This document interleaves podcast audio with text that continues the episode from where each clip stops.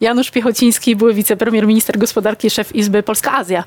Jest Państwa i moim e, gościem. No właśnie rozmawialiśmy, drodzy Państwo, o tym, co wydarzyło się przez ostatnich 12 miesięcy, jaki ma to wpływ na gospodarkę. E, No i pojawiła się informacja, że prezydent Ukrainy w środę przyjedzie do Polski. Podał tę informację pan minister e, Przydacz. Jak pan odczytuje e, ten gest? No to nie jest gest, no, to jest potrzeba. Ukraina walczy o życie, tak? Jej zapleczem w dostawach materiałowych, także y, w wywalczaniu określonych działań mobilizacji świata zachodu w sposób naturalny ta rola przypadła Polsce. I to nie wynika tylko z tego, że y, były te problemy w eksporcie zboża, o których pewnie będziemy rozmawiać w sportach czarnomorskich, Tak. ale tak jest. Polska jest zainteresowana tym, aby prawo międzynarodowe było przestrzegane, aby 91 rok, czyli rozpad Związku Radzieckiego i powstanie nowych państw, było domknięte także decyzjami i stoimy na straży, myślę, że ponad wszelkimi podziałami, że y, trzeba tego strzec. Jednocześnie y, mamy tę największą liczbę uchodźstwa. To są nie tylko olbrzymie koszty, to jest gigantyczne obciążenie, to był wielki wysiłek całego społeczeństwa.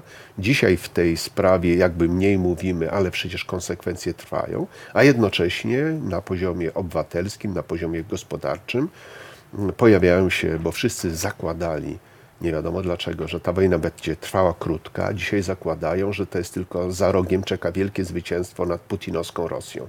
Otóż widać wyraźnie, że nie udały się te cele świata zachodu przez pierwszy rok, no bo przypomnę, Bloomberg i nie tylko analizy mówiły o tym, że rosyjski PKB w pierwszym roku sankcji, kiedy pierwsze pięć pakietów pokazaliśmy, a ostatnio już jest 10, mówimy o 11, a mimo to rosyjska gospodarka miała tąpnięcie na poziomie 2,5%. No tak, no ale jednak cały a nie 25. świat, ale jednak świat zachodni bardzo długo kupował ropę. No, Polska i, z tym na czele tego no więc świata właśnie, i więc najbardziej tu się kuriozalne... nie dziwmy, panie premierze, nie, nie, nie, nadmiernie, no, Ja się prawda? nie dziwię. Ja zawsze delikatnie, nie tylko na Twitterze, próbowałem przekonywać naszego premiera, żeby przestał w tej euforii opowiadać nieprawdy o tym, jak to jesteśmy skuteczni, żeby przestał wzywać naszych partnerów, mm, wyzywać naszych partnerów, że oni wspomagają, kupują tą brudną ropę, brudny gaz, kiedy No, w styczniu robimy. dowiedzieliśmy się, że dopiero jak nam Rosjanie kurek zakręcili, to w obszarze ropy naftowej wreszcie przestaliśmy ją importować. Panie premierze, myśli pan, że to jest wizyta czysto polityczna e, prezydenta Zeleńskiego, czy to jest też wizyta gospodarcza? Bo tak jak pan powiedział nawet w swojej wypowiedzi, trochę e, emocje zaczynają w polskim społeczeństwie rosnąć. Widzieliśmy ostatnio, co się dzieje w, w rolnictwie, o, o czym za chwilę będziemy też rozmawiać. Jak, jak, jakby pan czytał? Czy to będzie też element Po, rozmów? po pierwsze to wydarzenie, pierw zostawmy na razie Ukrainę, popatrzmy na to, jak reagowała polska polityka. No, polska polityka podchodziła do tego w kategoriach tej swoistej euforycznej e, wielu deklaracji, podczas gdy może mniej trzeba mówić, a więcej robić. Także w zakresie pomocy wojskowej, także w zakresie e, korytarzy transportowych, o których mówiliśmy, także w zakresie wsparcia. A tutaj mm, polityka, szczególnie obozu rządzącego, była następująca, że przejmowano te cenne inicjatywy społeczeństwa, to olbrzymie zaangażowanie przypisywano sobie i tworzono z tego taki propagandową papkę, tak? Podczas gdy zapomnieliśmy po pierwsze, że w czasie, kiedy toczy się obok nas tak dramatyczny konsekwencjami dla Polski, Polaków, polskiej gospodarki, polskiej przedsiębiorczości konflikt, to nie wolno tego rozgrywać w ramach propagandy i celów partyjnych. No proszę zwrócić uwagę, ile razy odbyła się Rada Bezpieczeństwa Narodowego. Ile razy i gdzie liderzy parlamentarnych formacji, liderzy komisji gospodarczych mogli się spotkać i podyskutować z ministrami, z wiceministrami, jakie działania rzeczywiste podejmiemy. Proszę zwrócić uwagę, jesteśmy jednym z nielicznych krajów, gdzie w ciągu już 13 miesięcy od wybuchu wojny w ogóle nie mówiło się na poważnie o polskich firmach, które zainwestowały przed wojną w Rosji, na Białorusi czy na Ukrainie. Mówiliśmy coś o tym? No, tworzyliśmy listy. Nie, tworzyliśmy listy. Potępialiśmy się wzajemnie na rynku krajowym, a zapominamy o tym, że na przykład druga, trzecia firma techniki e, transportowej, Wielton, ma tam 10% swojego majątku. Czy polski rząd, czy polskie instytucje, czy KUKE, czy Polski y, Instytut Ekonomiczny przygotował w tej sprawie analizę, pomógł przedsiębiorcom podjąć właściwe decyzje? Druga kwestia, kiedy okazało się, że wchodzimy, a Polska była tutaj przecież inicjatorem, policzyliśmy te wszystkie sankcje. No przecież przypomnijmy sobie kompromitację z węglem. Jeśli pan premier wiedział o tym, że będzie wojna w listopadzie, to dlaczego minister Moskwa w kwietniu i czerwcu dopiero występowała do pana premiera Ale o zmianę? czy myśli pan, że to stosunki gospodarcze polsko-ukraińskie będą częścią tej rozmowy? No na pewno będą, bo jesteśmy pod ciśnieniem tego, że źle funkcjonuje granica, że pojawiają się te problemy związane z jakością zboża, jakością eksportu, korytarzy, wydolności polskich portów. No bo y, proszę zwrócić uwagę, przez 9 miesięcy, mimo że środowisko, izby rolnicze, organizacje, PSL sygnalizowały to, na różnych spotkaniach, na posiedzeniach komisji, to rząd to bagatelizował, ba, bagatelizował to wicepremier minister rolnictwa, bagatelizował to komisarz europejski. I teraz nagle mamy... Wojciechowski z mamy, z, op- mamy z opóźnieniem. Ale też wcześniej z PSL-u. Tak, dzisiaj wielkie, wielkie halo i nagle okazuje się, że mamy proste deklaracje i dowiadujemy się, spoko. Za chwilę wyślemy ten milionowy kontrakt do Maroka. On jeszcze nie został ogłoszony, a my już wiemy.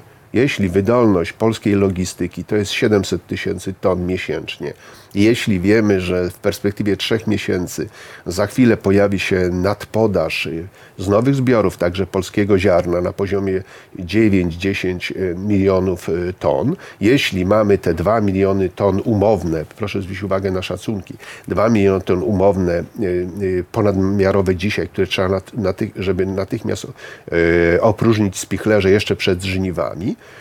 no więc to pokazuje bardzo wyraźnie, że jesteśmy w olbrzymim niedoczasie. A zwracam uwagę na to i dlatego piłem na początku naszej rozmowy do tego, że y, powinna być wspólnota politycznych działań, gospodarczych, konsekwencje, powinna być bardzo staranna analiza, szukanie alternatyw tych rozwiązań i w sposób cichy, spokojny, a nie wciąganie całej tej złożonej bardzo tematyki, także międzynarodowej, do naszych kampanii politycznych.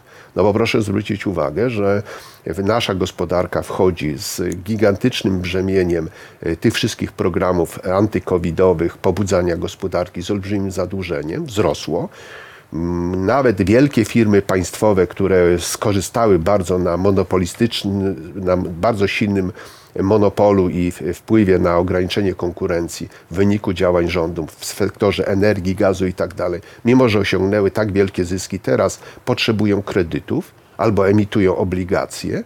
Jastrzębska Spółka mm, Węglowa szuka finansowania dłużnego i tak możemy mnożyć te konkretne przykłady, a jednocześnie cieszymy się z tego, że oto w lutym średnia pensja przekroczyła w polskim przemyśle 7 tysięcy, kiedy zapominamy, że ta średnia wzięła się z gigantycznych wypłat w górnictwie węgla kamiennego, trochę w lasach państwowych i gdzieś tam jeszcze. Dotyczy przede wszystkim firm, które zatrudniają powyżej 9 osób, a większość jest zatrudniona w małych firmach. Ale zostawmy to na razie. Wróćmy do tych e, e, rolników, e, panie premierze. Czy pan uważa, że problem dzisiaj z rolnictwem jest problemem na poziomie zaniedbań Komisji Europejskiej i zniesienia ceł? Czy to jest problem polskiego rządu i zaniechania polskiego premiera ministra rolnictwa? Proszę zwracam uwagę, że pan premier Morawiecki pije do pani van der Leyen. A związane z tym media już dzisiaj uprzedzają, żeby broń Boże nie została e, szefową NATO. E, O, takie głosy się przecież tam, czy takie roszady mogą się po prostu pojawić. Podczas gdy nawet bez e, tego, co wydarzyło się w związku z wojną e, na Ukrainie, sytuacja rolnictwa była już wyjątkowo trudna wcześniej. A dlaczego? A dlatego, że jesteśmy wyjątkowo nieskuteczni w walce z ASF-em. No przypomnę, za moich czasów w roku 2014-2015 mieliśmy trzy ogniska, a dzisiaj mamy 200, tak? Mamy określoną sytuację w ptasiej grypie, no i mamy sukces produkcyjny 3 miliony ton za zeszły rok, pierwsze szacunki. I, ale wiemy o tym, że co drugi kurczak wyprodukowany w Polsce powinien być wyeksportowany. I po piku rostu cen mleka w zeszłym roku, i to było też związane z sytuacją międzynarodową, ta słynna inflacja liczona w kostkach masła, pamiętacie Tak, Państwo, tak. tak? A dzisiaj mówimy o dezinflacji. Ale co to oznacza? To oznacza, że ceny w skupu rok do roku spadły 40-60 groszy. To oznacza, że jeśli polski rolnik bardzo dobry, z dobrym gospodarstwem, z dobrymi krowami, powyżej 8 tysięcy e, litrów mleka produkcji rocznej od krowy.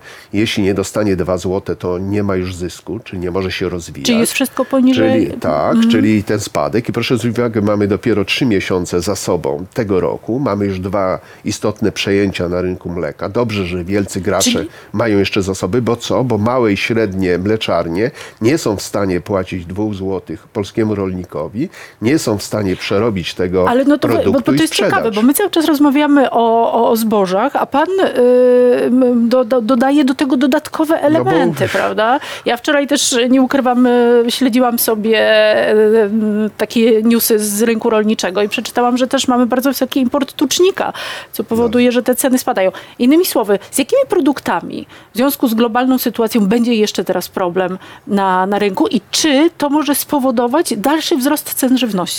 Proszę Państwa, więc popatrzmy na to trochę inaczej. Może skonsumujmy ten do końca to zboże. Jaką Tylko mam- tak zwięźle, No, mógł. staram się, jak pani widzi, wcale tak zwięźle łatwo nie idzie, bo trzeba też pokazywać, jak to się ma w kontekście do sytuacji międzynarodowej. Polska w ostatnich kilku latach wyszła na trzecie miejsce w produkcji i eksporcie zboża. Te 7-7,5 miliona ton sprzedawaliśmy.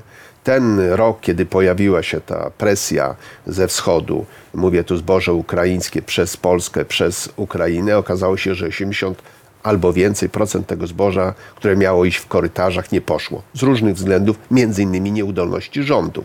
Trzeba to jasno i wyraźnie powiedzieć. Ale co to oznacza dzisiaj? Rolnik dostawał rok temu sygnał z żniwa. Nie sprzedawajcie żniwa, żniwa zboża po 1500-1600 za tonę pszenicy. Poczekajcie, bo będzie drożej. Okazało się, nie jest drożej. Ale tamto zboże, którego dzisiaj nie można sprzedać za 1200-1300, tylko granicach 1000 albo nawet poniżej 1000 zł we wschodniej Polsce, było produkowane w oparciu o inne koszty. O inne koszty paliwa, inne koszty Energii. nawozów, energii, transportu, etc. Tak? Teraz mamy zupełnie inną, inną sytuację. W związku z tym rolnicy, jest wiosna, powinni już dzisiaj posypywać nawozem, powinni dokonywać kolejnych działań, a, nie mają, a całą płynność swojego gospodarstwa mają zamrożone co? W tych kilku, kilkunastu, kilkudziesięciu No ale ma tonach być, pszenicy. ma być skup interwencyjny, bo to już jest zapowiedziane. Ma. Tylko, ty, No tak, jeszcze ma być. I, będą, I będzie dofinansowanie dla rolników, choć wiemy, Tak, że... no że 250 zł w jednym województwie, 200 w innym województwie i tak jak dalej. to się przełoży ostatecznie na nas? Bo zboża taniały, my tego nie widzieliśmy na No półkach. ale gorzej, jak pani wie, mąka, mimo że z, y, zboże jest podstawowym surowcem do wyprodukowania mąki, mąka nie staniała. No więc właśnie. A dlaczego? A dlatego, że w międzyczasie zdrożała energia. Czyli czy I pan- nie ma. I mimo, że rząd wprowadza z opóźnieniem w stosunku do małych piekarni jakieś tam działania osłonowe, tak się popatrzy na cały łańcuch od pola do chleba finalnego, to wcale nie ma szans na to, że w sposób istotny nastąpi powstrzymanie wzrostu cen. Czy pana zdaniem żywność będzie w Polsce y, taniała, czy nadal będzie drożała i to już jest trend nieodwracalny, przynajmniej na kilka lat? Będziemy mieli historycznie drogie, drogą Wielkanoc, a wszystko zależy od tego, czy utrzymamy i nie pogorszymy potencjału produkcyjnego. No bo proszę zwrócić uwagę, jeśli rolnicy nie kupią nawozów, jeśli ich nie wysypią, to na przykład w produkcji zbożowej, ja jestem tylko skromnym ekonomistą, ale jako lider PSL-u, a swego czasu minister gospodarki, musiałem się tego na pamięć nauczyć, tak? Y, to się okaże, że w te zbiory plony będą o 20% mniejsze. Ale jeżeli jeszcze rok powtórzy się ta sytuacja, to będą mniejsze o 30%. Więc nie będzie to 65-80 kwintali z hektara, tylko będzie 4-5 kwintali z hektara. Co to oznacza? Że produkcja będzie nieracjonalna, niedochodowa, nierentowna. Z jakimi y, produktami, które nam są potrzebne na co dzień, mogą być jeszcze problemy, jeśli chodzi o No sytuację to mamy globalną? y, i to jest jakby... Wspomniał pan mleko. y, To jest w oderwaniu od sytuacji y, konkurencji ze strony y, Ukrainy, bo przypomnę, że ki- kiedy była, mm, nie było wojny, Ukraina miała na przykład w Kurczaku kontyngent bezcłowy 60 tysięcy ton. A kiedy zniesiono te wszystkie cła i ograniczenia, do Europy, głównie do Polski, napłynęło 600 tysięcy ton. Otóż jeżeli źle jest, fatalnie jest, jeśli premierowi, wojewoda lubelski musi przypominać, że mówiliśmy o 80 tysiącach ton, a przyszło 800 tysięcy ton tylko na Lubelszczyźnie pana- ukraińskiego zboża. Czy pana zdaniem polski rząd powinien podjąć decyzję e, dotyczącą ograniczeń importu z Ukrainy? Pani redaktor, dzisiaj rząd politycznie ratuje co, i zapowiada różne czary mary, które się nie spełnią, niczym nie poparte konkretną robotą. Bo proszę sobie wyobrazić. Ale z czy powinien Z opóźnieniem półrocznym zalega jeszcze w polskich portach ten spóźniona interwencja węgla.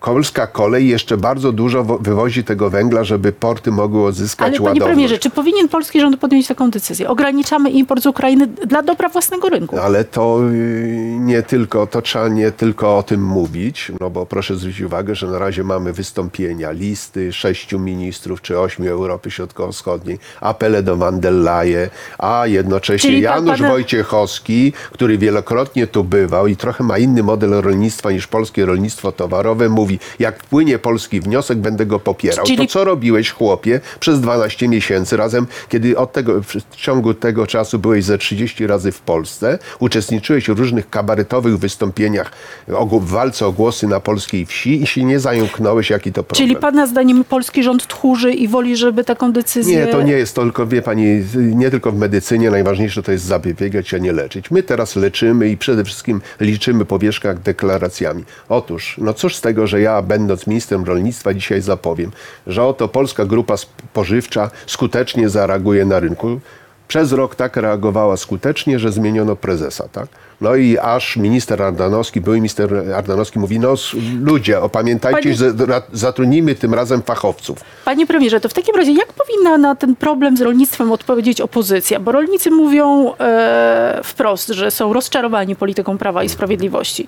Co powinna zrobić dzisiaj opozycja i która opozycja? Zaraz, zanim dojdziemy do opozycji, to jeszcze o jednym chcę powiedzieć. Otóż jeszcze przed wojną na Ukrainie Zaraz gigantyczny problem, skończy. no właśnie to pokazuje, e, jak rzadko mówimy o, na poważnie o polskiej gospodarce, w tym w tym przypadku o polskim e, rolnictwie. I teraz krótko o świniaczkach. Otóż, proszę Państwa, w ciągu trzech lat tej władzy, tak przyjaznej przed wyborami ponoć wsi i rolnikom, z 220 tysięcy gospodarstw, które zajmowały się produkcją świniaczków w Polsce, spadliśmy do 50 paru tysięcy.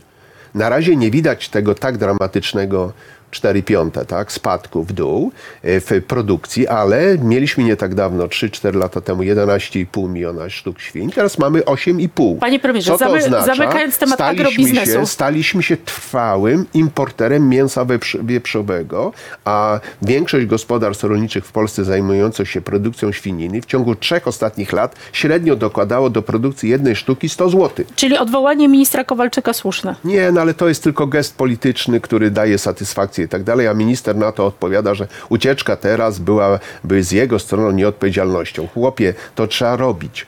Wiedzieliście dobrze i teraz to pokazuje słabość naszego państwa. Przeniesienie tego wszystkiego, tej realnej polityki, odpowiedzi na wojnę na Ukrainie, na realne działania administracji, władzy, biznesu. No bo teraz się spotyka minister rolnictwa z eksporterami, Co powinna zrobić opozycja? Jak odpowiedzieć na to? no przede wszystkim to jest jedno, y, wymusić wreszcie, aby komisje sejmowe, aby parlament normalnie funkcjonował, żeby tam odbywała się właściwa debata. I w postaci procesu legislacyjnego, bo mamy tutaj dramatyczne zniekształcenie, zaniechanie debaty i także bieżącej kontroli nad tymi procesami, o których mówimy. Drugie, w tej chwili wszystkie ręce na pokład z punktu widzenia eksportu. I tu przechodzę do tego, co robimy jako Izba Polska-Azja. Z prostego powodu. No, co możemy dzisiaj zwiększyć istotnie sprzedaż wyrobów mlecznych na Azję czy północną Afrykę? Dlaczego o tym nie mówimy? Dlaczego tego nie robimy? Dlaczego tego nie mobilizujemy? Dlaczego tego nie wspieramy? Co się takiego wydarzyło, że dopiero teraz minister rolnictwa dostrzegł, że kanałem przez FAO, przez wsparcie ONZ-u czy Unii Europejskiej można sprzedawać polską żywność. Przecież to powinno być stałym naszym elementem. Jesteśmy dużym graczem. 40 ponad miliardy euro to był nasz eksport żywności. Ale uwaga, już są pewne zakłócenia, które polegają na tym, że w tonażu ten eksport nie rośnie tak, jakbyśmy chcieli. On wzrósł, ponieważ wzrosły ceny światowe żywności. A w tej chwili bo nominalnie. mamy do czynienia z sytuacją taką, że z wielu powodów niektóre ceny na niektóre e, produkty gwałtownie się kurczą. Jeżeli minister rolnictwa to pokazuje niekompetencję tej ekipy. Teraz minister czy wiceminister wzywa rolników, żeby zajęli się okopowymi, żeby więcej siali buraka, więcej sadzili ziemniaka zamiast zboża. No bo mamy problemy, już wiemy, że mamy problemy. Jeśli na trzy miesiące przed rozpoczęciem żniw w Polsce składy zbożowe są zawalone i są niewielkie szanse na odblokowanie tego, to cóż z tego, że ja dopłacę rolnikowi 200 czy 300 zł, kiedy nie wiadomo będzie, co zrobić z Panie tym premierze, a zbożem. nie ma pan takiego poczucia dzisiaj, że opozycja nie ma za bardzo odpowiedzi na to, bo albo inaczej, czy wydaje się panu, że połączenie PSL-u z Szymonem Hołownią, lista Mhm. wspólnych spraw, trochę jakby odebrała zaufanie tego elektoratu rolniczego do, do PSL-u, który zawsze był bardzo głęboko na wsi. Nie no, myślę, że po pierwsze y, zawłaszczył PiS sterowanie tematami mediami, nie tylko publicznymi, bo w ten sposób ciągnie, wciąga w tą dyskusję. Po drugie, y, bardzo mało w Polsce środowisk i bardzo mało ludzi chce interesować się na poważnie problemami innych grup społecznych. No niektórzy mówią wreszcie te ceny zboża spadły, to będzie tanie pieczywo. Po czym nie zwrócimy uwagi, ile małych i średnich piekarni się zamknie. Jak dramatyczna No, ale to jest sytuacja ale rolą, ale małego, rolą małych polityka jest sklepów. docierać nie, no, przez no media, dobrze, tylko no też to- bezpośrednio. No to, A jak patrzymy na notowania e, Szymona Hołowni i PSL-u, PSL-u, no one nie są Pamięta pani w roku 2014 Ale na czy- dwa tygodnie przed y, wyborami samorządowymi, których mieliśmy za moich czasów 22%, sondaże podawały 6%. Ja rozumiem te zabawy z sondażami. Drodzy Państwo, nie przejmujcie się sondażami. pan, czy pan uważa, że to był dobry kierunek? Który? E, Szymon Hołownia, PSL? To nie jest na y, dyskusję na studia. Jestem w dalszym ciągu PSL-owcem i y, o tym dyskutuję wewnątrz. I Chcę zwrócić Mhm. Ale uwagę. nie powie pan, że jest pan zachwycony. Ale to nie jest w kategoriach powiem czy powiem. Jest to pewien proces, za którym stoi pewna argumentacja, pewne doświadczenie.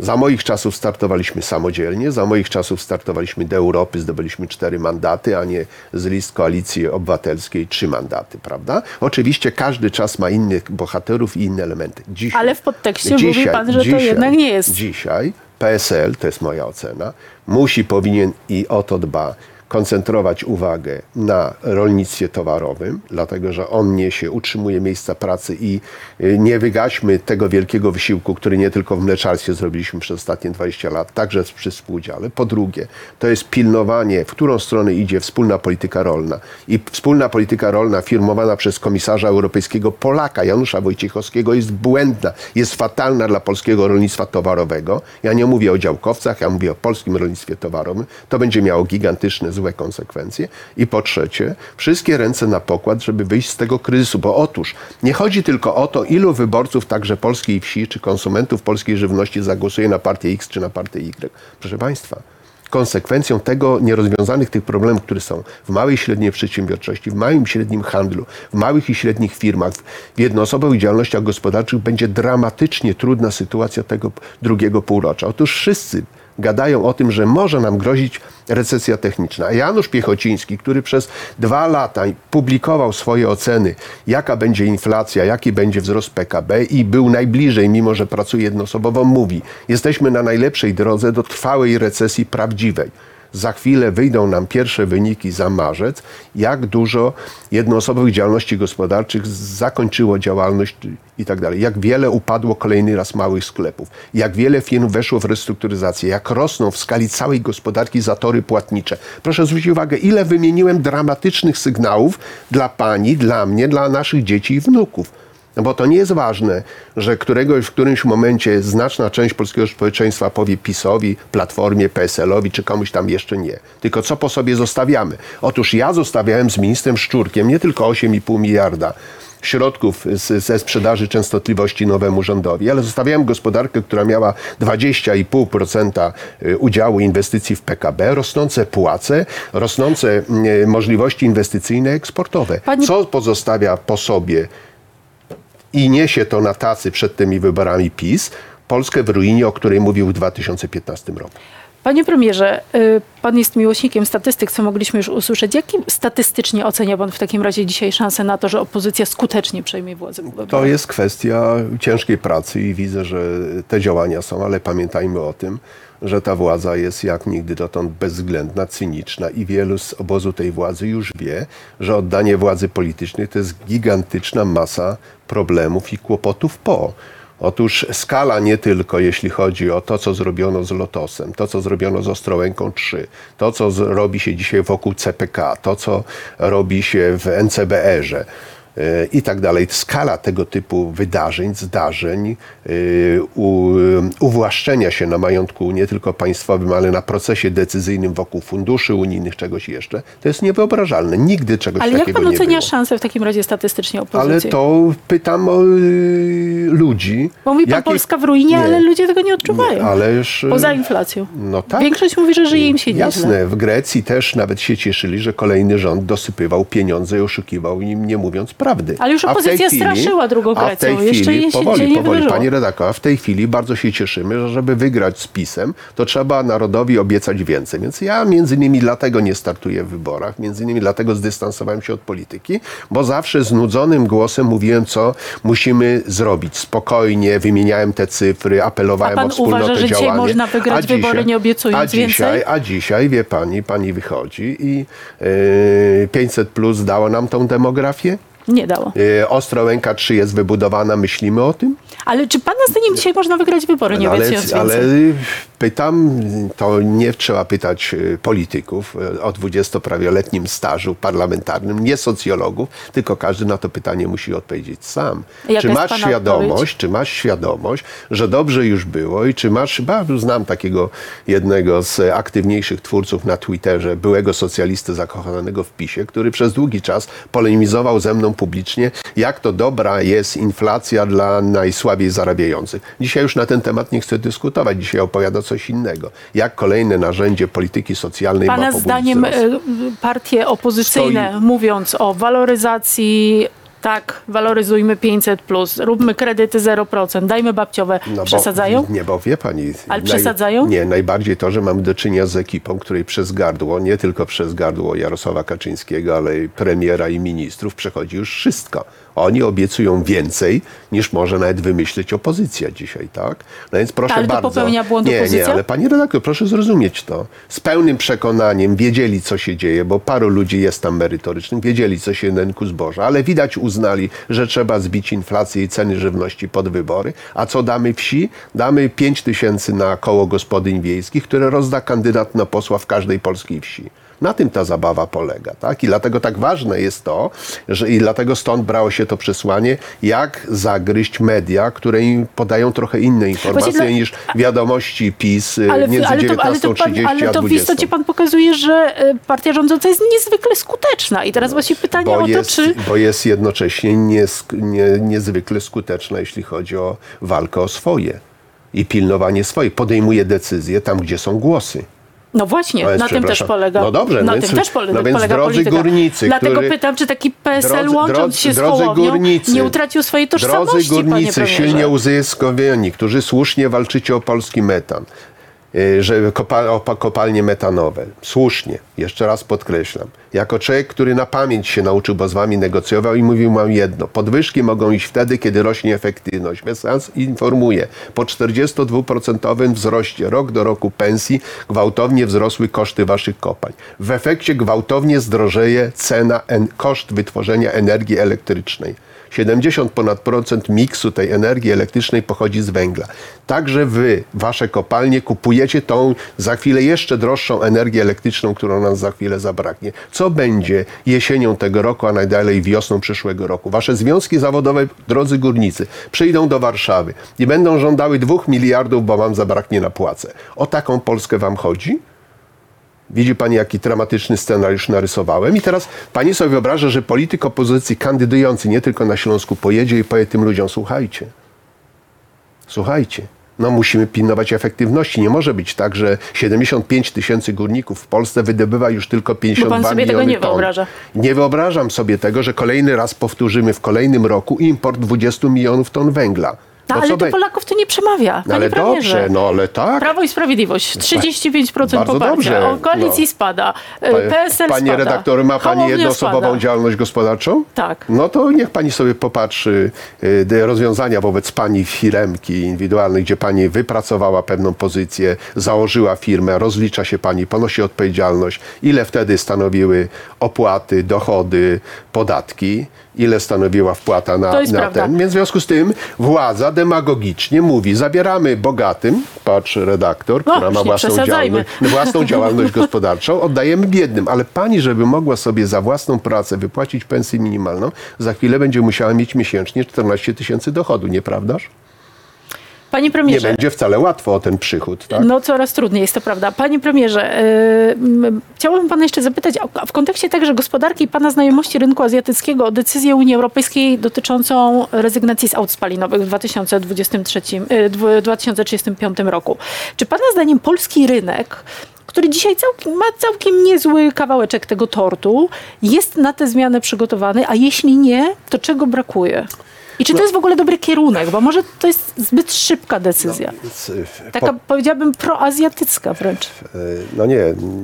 Po pierwsze, y, wszyscy się zdumiewamy i dziwimy, dlaczego Europa limituje węgiel i CO2, skoro Chiny zwiększyły spalanie węgla, zużycie węgla z 8 do 8,400 milionów ton. Gdzie Indie zapowiadają pięciokrotnie zwiększenie, ale jednocześnie te same Chiny bardzo mocno zainwestowały w technologię i poszerzyły, pomnożyły swój dorobek i stały się liderem numer jeden w, w, w morskiej energetyce wiatrowej, w turbinach na lądzie, e, w, w, wodorze, etc., etc. możemy zno, zrobić. Mimo, że nawet w gorszych czasach związanych z COVID-em, zużycie Chin roczne wzrosło tyle, co zużywa cała, e, cała Afryka. I teraz wracam do tego. My do niedawna, bo w 2022 roku, byliśmy europejskim liderem, czy jesteśmy europejskim liderem w produkcji baterii do samochodów elektrycznych. 7,2, 7,6 produkcji Tak. światowej, pierwsze Chiny ponad 70%. Proszę zwrócić uwagę, wejdźcie na mojego Twittera, drodzy oglądacze, i popatrzcie, tam jest prognoza roku 2026. Spadamy na czwarte miejsce w Europie z jednym procentem udziału światowego, więc wszyscy idą do przodu.